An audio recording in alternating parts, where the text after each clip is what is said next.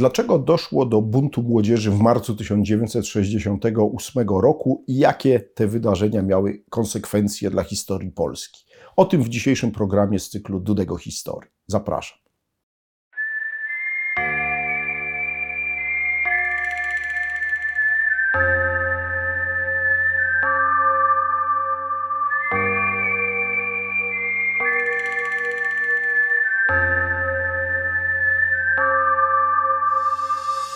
Połowie lat 60.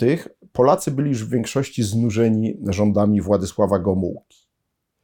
To znużenie nie dotyczyło zwykłych Polaków, dotyczyło też znacznej części ludzi w aparacie władzy, w którym o swoje miejsce i pozycję zaczęło zabiegać nowe pokolenie ludzi, zwane pokoleniem zedemposkim, a więc ludzi, którzy zaczynali kariery w strukturach Związku Młodzieży Polskiej, a więc tej przybudówki PZPR z czasów stalinowskich, a którzy po roku 56 no, awansowali na różne stanowiska w aparacie PZPR e, czy w aparacie państwowym, ale to były stanowiska niższe, dlatego że te wszystkie wyższe zajmowali towarzysze ze stażem jeszcze albo przedwojennym, a więc z Komunistycznej Partii Polskiej, ewentualnie Komunistycznego Związku Młodzieży Polskiej, ewentualnie ze stażem okupacyjnym z czasów PPR-u, czyli Polskiej Partii Robotniczej.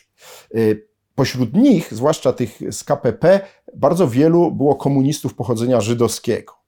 Y, Gomułka, który sam miał za żonę Żydówkę, nie miał do tego żadnych zastrzeżeń, miał pretensje do różnych towarzyszy y, z epoki stalinowskiej o, o walkę z tak zwaną Gomułkowszczyzną, ale generalnie nie przeszkadzało mu y, towarzysze partyjni pochodzenia żydowskiego, natomiast zaczęli oni przeszkadzać bardzo wielu innym e, ludziom z aparatu PZPR, ludziom, którzy e, na początku lat 60. E, zaczęli tworzyć frakcję, którą nazwano frakcją partyzantów. Dlaczego tak właśnie? Otóż w 1961 roku ukazała się książka, zbiór wywiadów z y, Mieczysławem Moczarem, ówczesnym wiceministrem spraw wewnętrznych, Grzegorzem Korczyńskim, wiceministrem obrony narodowej i jeszcze z kilkoma innymi ludźmi, którzy lata II wojny światowej spędzili w szeregach komunistycznej partyzantki, a więc Gwardii Ludowej i Armii Ludowej. Ta książka oczywiście była propagandową bajeczką, opowiadano tam o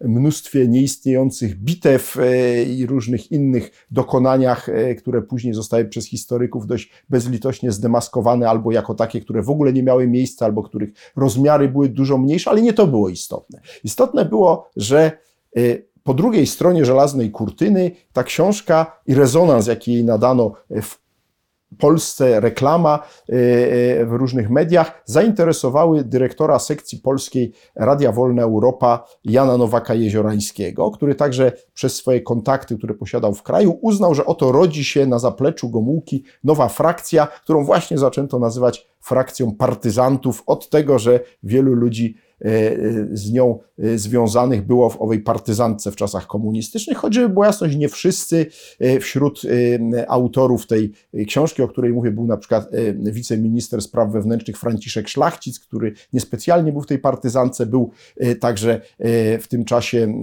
szef sztabu generalnego Wojska Polskiego generał Wojciech Jaruzelski. Wszystkich tych ludzi łączyły więzy przyjaźni towarzyskiej z Mieczysławem Moczarem, który w 1964 roku został ministrem spraw wewnętrznych, e, a który równocześnie też stanął w tym czasie na czele e, jedynej istniejącej w Polsce wówczas legalnej organizacji kombatanckiej, czyli Związku Bojowników o Wolność i Demokrację, Zbowidu.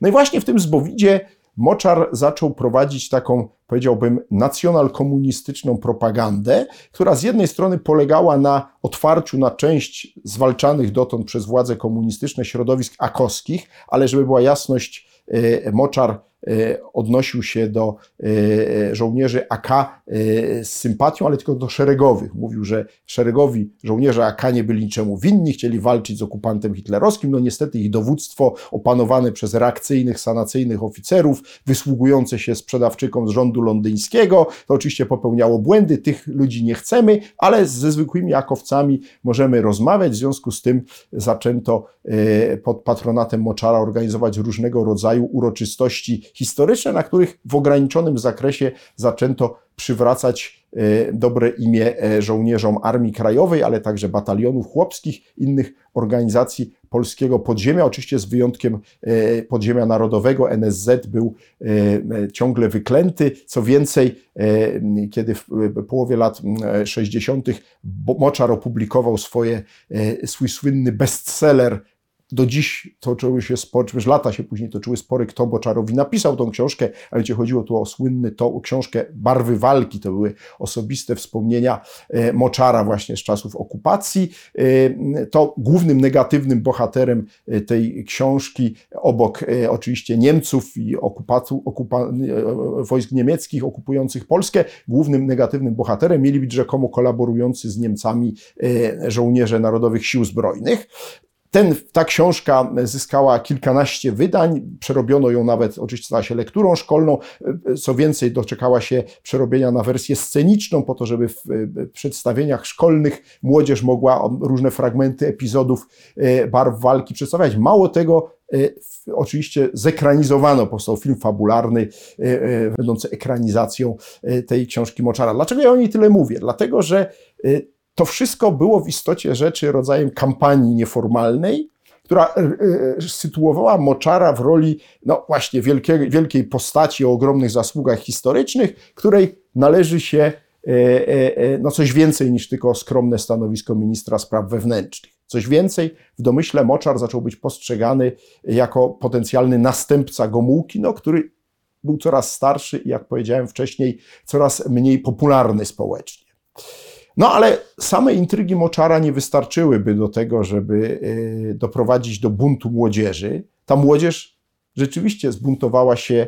E, dlaczego? No dlatego, że lata 60. to była epoka już stopniowego, powolnego i ograniczonego, ale otwierania Polski na zachód. E, coraz więcej Polaków mogło wyjeżdżać za granicę, w tym na zachód gdzie dostrzegało zasadniczą różnicę poziomu cywilizacyjnego, a młodzież, jak wiadomo, jest najbardziej niecierpliwa. Młodzież chciała tych zmian jak najszybciej. W związku z tym, w miarę upływu lat, właśnie wśród młodzieży, nie tylko studenckiej, nie tylko szkolnej, ale także młodzieży robotniczej, pojawiały się coraz większe nastroje niezadowolenia, które Gomułka konsekwentnie ignorował. I to właśnie postanowił, jak się wydaje, e, wykorzystać Moczar i jego ludzie.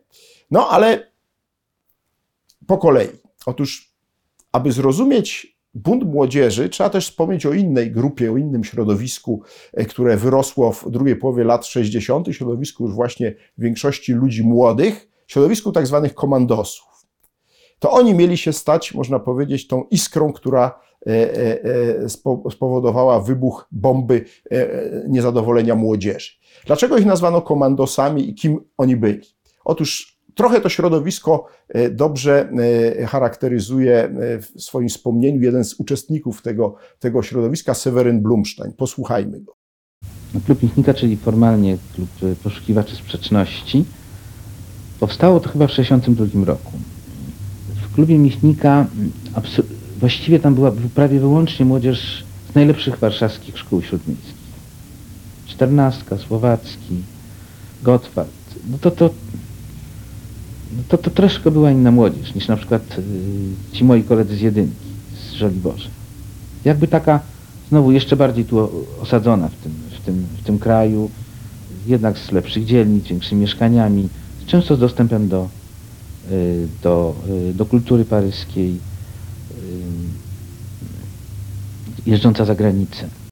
Liderami środowiska komandosów byli Karol Modzelewski i Jacek Kuroń, którzy trafili w 1965 roku na 3 lata do więzienia e, za e, opublikowanie tak zwanego listu otwartego do partii, o którym nie ma tu dziś czasu opowiadać, pewnie opowiem o nim szerzej, kiedy będę mówił o sylwetce Jacka Kuronia. Dość powiedzieć, że ten list e, otwarty do partii zawierał próbę, można powiedzieć, naprawy socjalizmu i takie też koncepcje chodziły po głowie tej grupie młodzieży, która się uformowała w okresie, kiedy Modzelewski i Kuroń przebywali w więzieniu wokół Adama Michnika, który już w liceum stał się liderem takiego środowiska młodzieży, które tworzyło różnego rodzaju kluby dyskusyjne, a później jako już student historii Uniwersytetu Warszawskiego, stał się także i liderem takiego środowiska studenckiego, a nazywano ich komandosami dlatego, że od pewnego momentu to grono ludzi przychodziło na różnego rodzaju zebrania otwarte, które organizowano czy to na uniwersytecie, czy na, na, w innych miejscach i zaczynała zadawać tak zwane trudne pytania.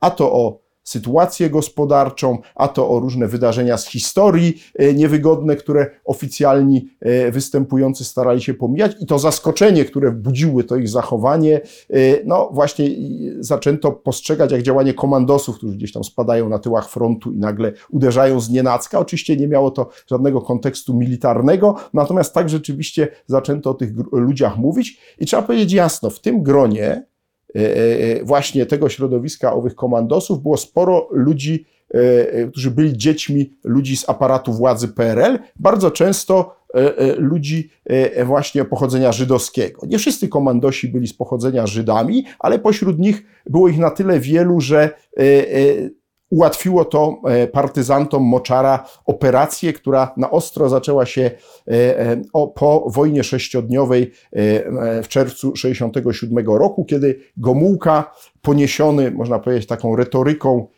retoryką pro, proarabską, antyizraelską, wygłosił na Kongresie Związków Zawodowych przemówienie, w której wspomniał o tym, że wielu Polaków pochodzenia żydowskiego w Polsce e, nie zachowuje się lojalnie wobec Polski Ludowej i polityki zagranicznej, popiera Izrael, z którym PRL wtedy zerwał po wojnie sześciodniowej, podobnie jak inne kraje bloku sowieckiego, stosunki dyplomatyczne, nazwał ich piątą kolumną Izraela Polsce. I to nieostrożne sformułowanie Gomułki, które zresztą później usunięto z drukowanego tekstu jego przemówienia, stało się, można powiedzieć, dla moczarowców e, sygnałem do ataku e, i zaczęto przeprowadzać czystki najpierw w MSW, a z drugiej strony generał Jaruzelski w wojsku e, polskim zaczęto usuwać oficerów pochodzenia żydowskiego e, e, i ze stanowisk w aparacie bezpieczeństwa i w istotnych stanowisk w wojsku.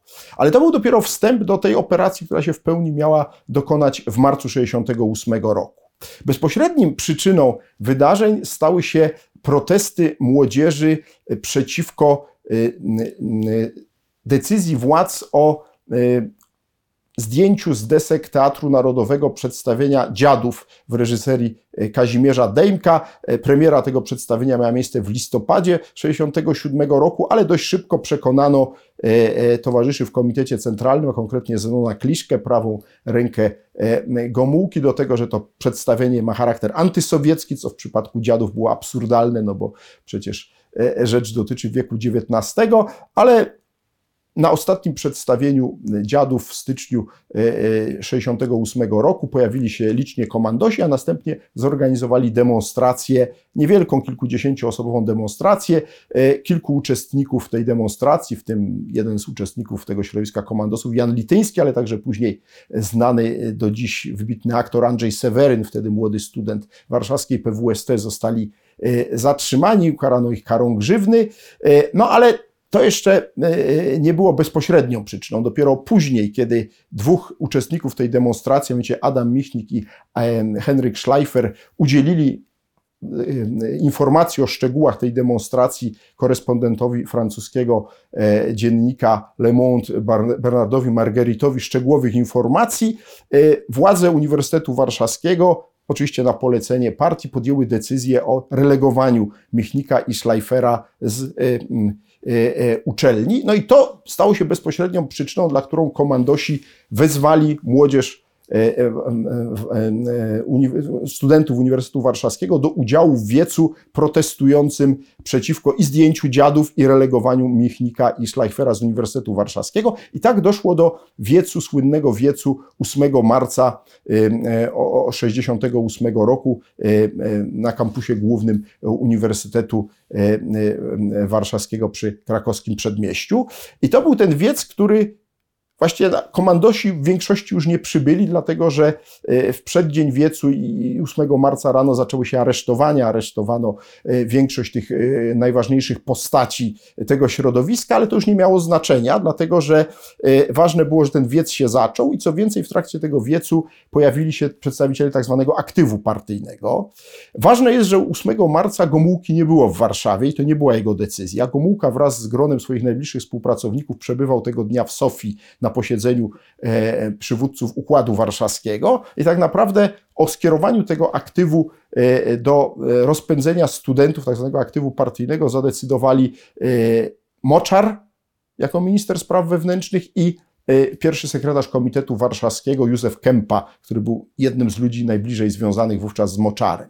No i cóż, y, y, ten aktyw partyjny oczywiście to byli z jednej strony oficerowie przebrani po cywilnemu, oficerowie polityczni Ludowego Wojska Polskiego, była tam część rzeczywiście ludzi ze służby bezpieczeństwa, wszyscy wyposażeni w pałki, kawałki grubego kabla, zaczęli bardzo brutalnie tych studentów bić. I to zapoczątkowało wielodniowe protesty, najpierw uliczne w Warszawie, a później w innych miastach Polski, ponieważ ten protest bardzo szybko, już po kilku dniach, przeniósł się na inne miasta, ośrodki akademickie w Polsce, a także do wielu ośrodków, w których nawet nie było szkół wyższych. Tutaj przykładem jest choćby Tarnów, gdzie nie było żadnej szkoły wyższej. Tam także młodzież, w tym wypadku szkolna, protestowała. Zresztą, żeby była jasność, jak później historycy zbadali statystyki e, milicyjne, e, kogo zatrzymywano za udział w tych wszystkich protestach, to okazało się, że to nie studenci i uczniowie byli najliczniejszą grupą, ale młodzi robotnicy. To pokazuje, że marzec 68 roku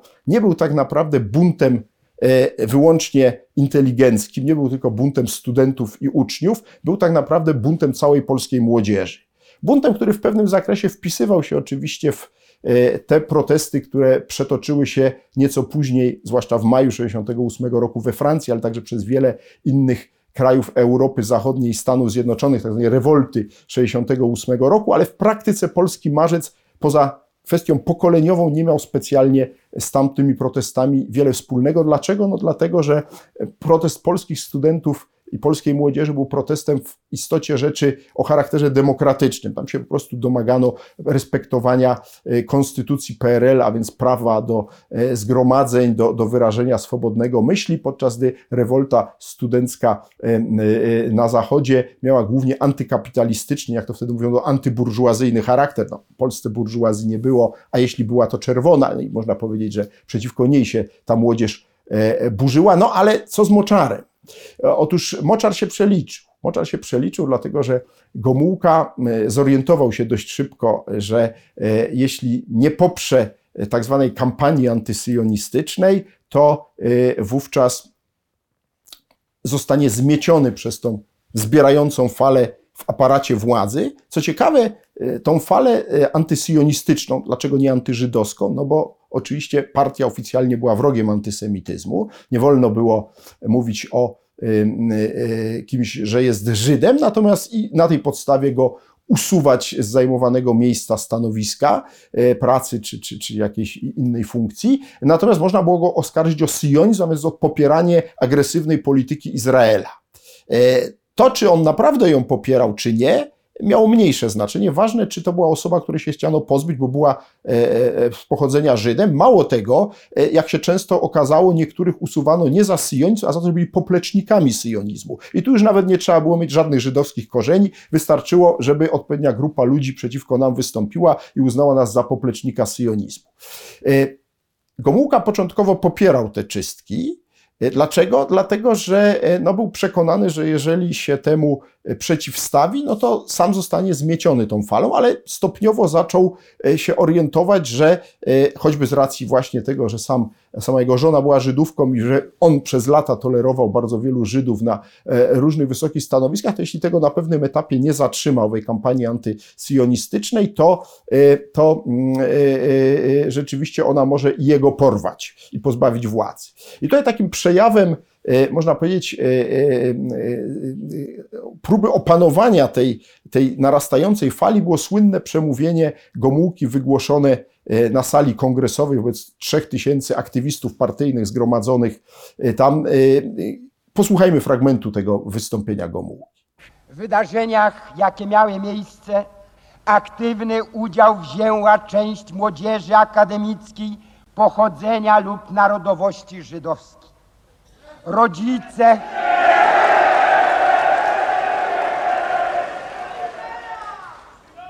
proszę, proszę towarzyszy o zach...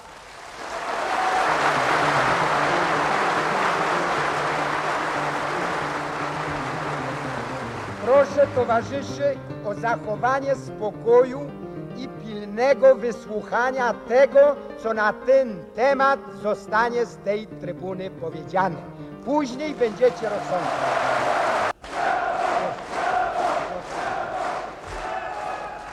Rodzice wielu z tych studentów zajmują mniej lub bardziej odpowiedzialne, a także wysokie stanowiska w naszym państwie. Ta przede wszystkim okoliczność spowodowała, że na fali tych wydarzeń wypłynęło opacznie nieraz podej- pojmowane hasło walki z syjonizmem. Czy w Polsce są żydowscy nacjonaliści, wyznawcy ideologii sionistycznej? Na, na pewno, towarzysze, na pewno tak odpowiadamy. Partia nasza i najwyższe władze państwowe ciągu ostatnich lat niejednokrotnie zwracały pracownikom nauki uwagę na poważne zaniedbania w pracy wychowawczej w szkołach wyższych i niedostateczne zaangażowanie kadry naukowo-dydaktycznej w tę pracę. Nie ulega jednak wątpliwości, że i obecnie znajdują się w naszym kraju, znajduje się w naszym kraju określona ilość ludzi, obywateli naszego państwa, która nie czuje się ani Polakami, ani Żydami. Nie można mieć do nich o to pretensji. Nikt nikomu nie jest w stanie narzucić poczucia narodowości, jeśli go nie posiada.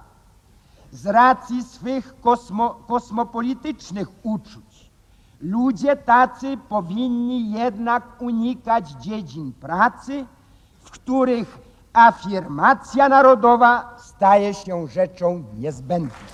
Partia nasza przeciwstawia się z całą stanowczością wszelkim zjawiskom, które noszą cechy antysemityzmu. Syjonizm zwalczamy jako program polityczny, jako nacjonalizm żydowski i to jest słuszne. Nie ma to nic wspólnego z antysemityzmem. Gomułka tak naprawdę próbował y, z jednej strony poprzeć kampanię antysyjonistyczną, potępić organizatorów i wychrzcicieli, z drugiej strony próbował jakoś zapanować nad tym, y, co się wtedy zaczęło dziać w całej Polsce.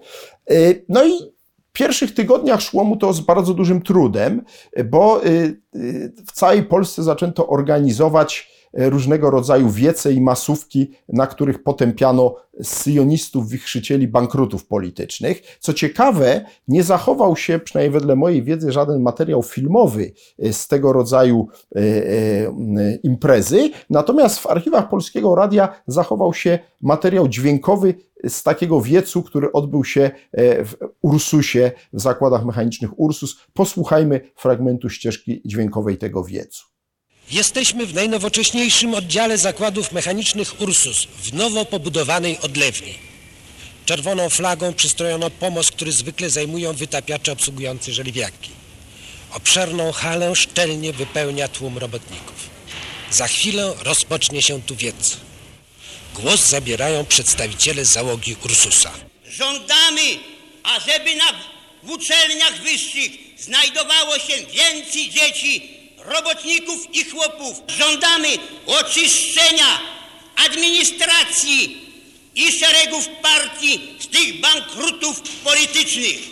My, proszę towarzyszy, jako robotnicy zakładów mechanicznych Ursus, w dalszym ciągu będziemy pracować i stać na straży władzy ludowej. Żądamy kategorycznie ukarania tych, którzy chcieli naszą młodzież skierować przeciwko władzy ludowej, tych, którzy chcieli wykorzystać naszą młodzież jej entuzjazm do swych niecnych antypolskich celów. Nie może być w naszej partii miejsca dla karierowiczów, rewizjonistów i sionistów. Wyrażamy uznanie dla tych studentów, którzy odcięli się od organizatorów burt ulicznych. Chcemy spokojnie pracować, uczyć się i żyć. Potępiamy różnego rodzaju rewizjonistów i naprawiaczy socjalizmu. Zbyt dobrze znamy ich niechlubną przeszłość i rolę, jaką odegrali w organizowaniu hałaśliwych ekscesów. Szczególnie oburza nas to, że do swoich perfidnych i brudnych interesów próbowali i próbują wykorzystać część zdezorientowanej młodzieży studenckiej. Żądamy surowego ukarania mącicieli wszelkiej naści, których jednoczy nienawiść do naszej partii, do narodu polskiego i pogarda do klasy robotniczej. Żądamy oczyszczenia partii z sionistów. Solidaryzujemy się z podstawą warszawskiej klasy robotniczej. W naszym kraju zakłady pracy, ziemia, teatry i uczelnie, Chopin i Mickiewicz są własnością narodu. Naród polski w swojej historii dawał niejednokrotnie wyrazy internacjonalistycznej postawy. Obca jest nam wszelka nienawiść rasowa i uprzedzenia narodowe. Ale nie pozwolimy, aby sioniści zamykali nam usta straszakiem antysemityzmu.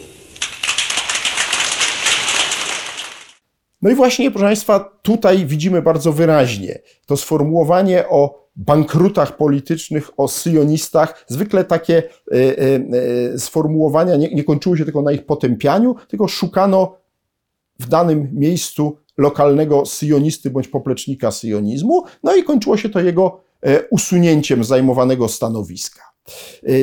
Te czystki zapoczątkowały masową emigrację e, Polaków pochodzenia żydowskiego z Polski. Szacuje się, że między 68 a 71 rokiem z Polski wyjechało około 15 tysięcy ludzi. Większość z nich to nie byli żadni ludzie z aparatu władzy. Oczywiście byli pośród nich także ludzie bardzo wysoko albo do tego momentu, albo wcześniej stojący e, w hierarchii e, władzy PRL, jak choćby słynna prokurator Helena Wolińska, ale tak naprawdę zdecydowana większość to po prostu nie byli żadni dygnitarze, e, tylko ludzie, którzy którzy, którzy mieli to nieszczęście, że byli Polachami pochodzenia żydowskiego i padli ofiarą w istocie rzeczy kampanii antysemickiej.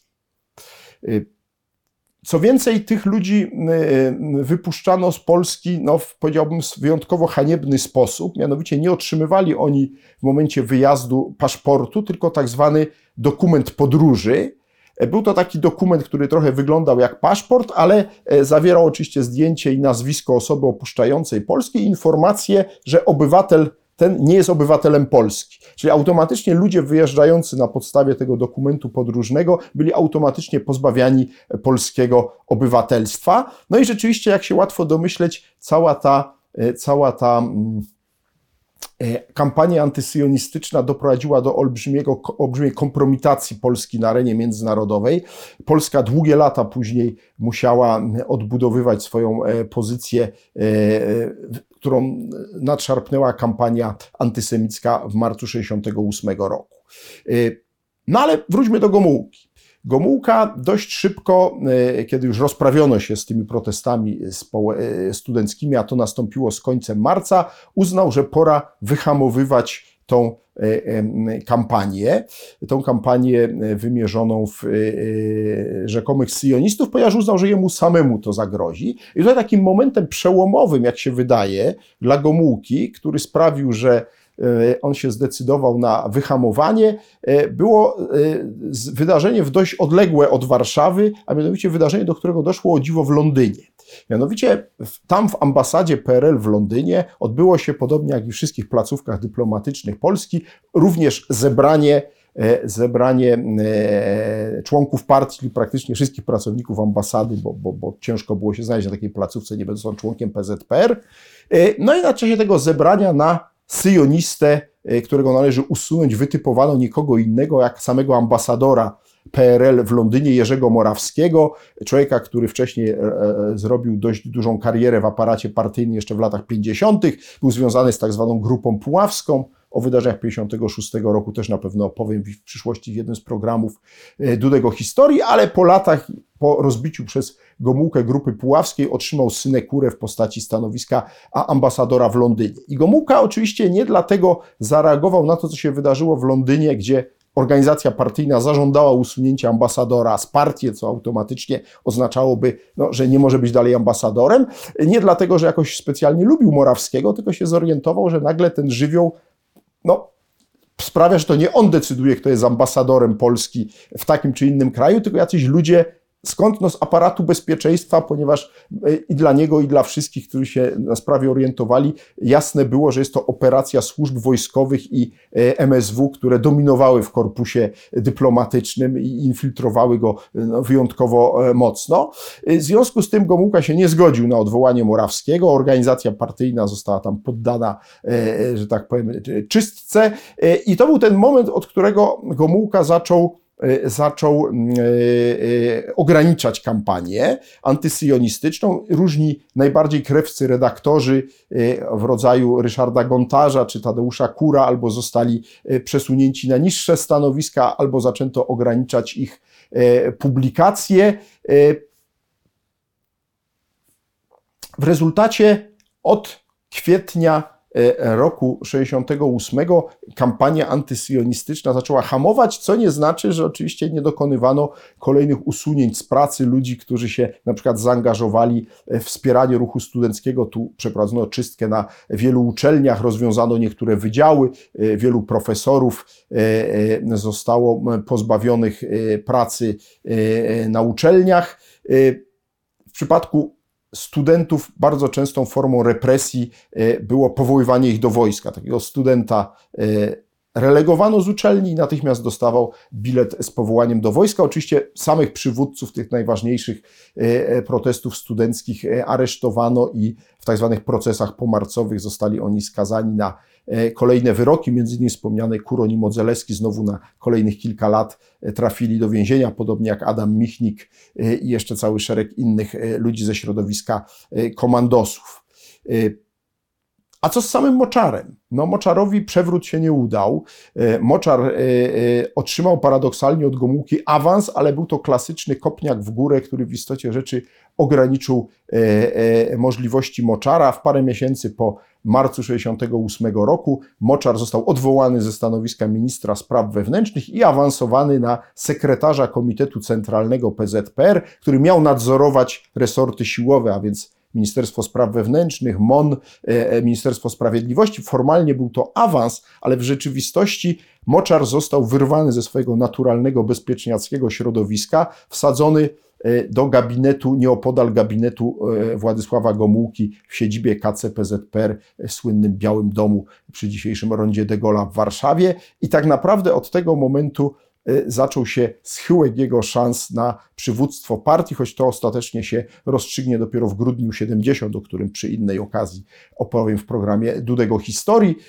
Tu dodam tylko, że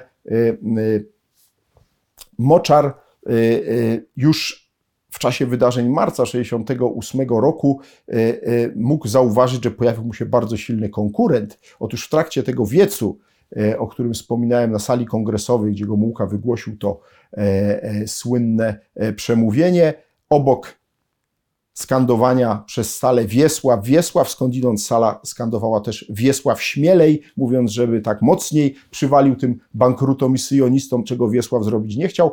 Na sali pojawiły się też E, e, uczestnicy spotkania, którzy skandowali Gierek, Gierek. Dlaczego? Dlatego, że w ślad za Gomułką, a właściwie nawet przed nim, jeszcze przed tym przemówieniem, wszyscy przywódcy e, regionalni PZPR, pierwsi sekretarze komitetów wojewódzkich, wygłaszali bardzo gromkie przemówienia, a najsłynniejsze z nich wygłosił pierwszy sekretarz Komitetu Wojewódzkiego PZPR w Katowicach, Edward Gierek, Przemówienie, w trakcie którego padły słowa o śląskiej wodzie, która może pogruchotać kości tym, którzy ośmielają się przeciwstawiać władzy ludowej. Posłuchajmy fragmentu tego przemówienia.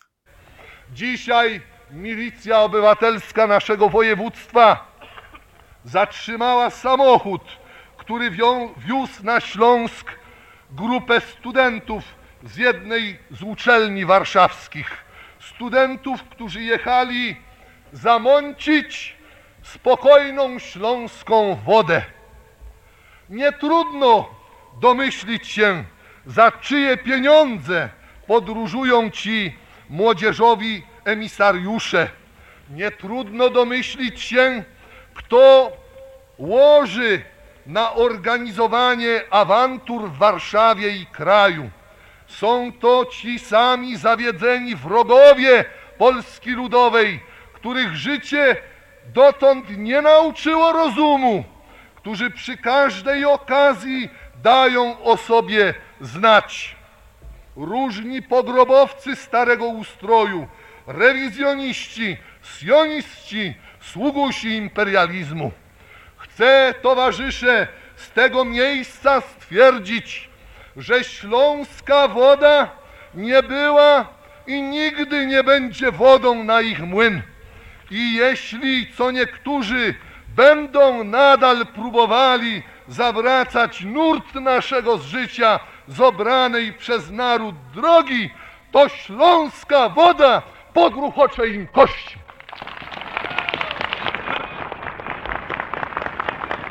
Gierek wstydził się bardzo później tych słów, twierdził nawet w jednym z wywiadów udzielonych po latach, że to spontaniczne, prawda, słowa jakby i tłum go natchnęły. W rzeczywistości oczywiście przeczytał to przemówienie, jak widzieliśmy z kartki, e, doskonale, e, doskonale wiedział, co mówi. Dlaczego? No dlatego, że e, Gierek i wtedy ustawiał się już w tej kolejce do spadku po Gomułce, no ale to były już zupełnie inne wydarzenia. O sylwetce Edwarda Gierka też z pewnością opowiem w przyszłości w jednym z programów z cyklu Dudego Historii. Dziś już bardzo serdecznie dziękuję za uwagę. Serdecznie zapraszam do oglądania innych odcinków na tym kanale, no i oczywiście do wspierania go na różne możliwe sposoby. Pozdrawiam Państwa.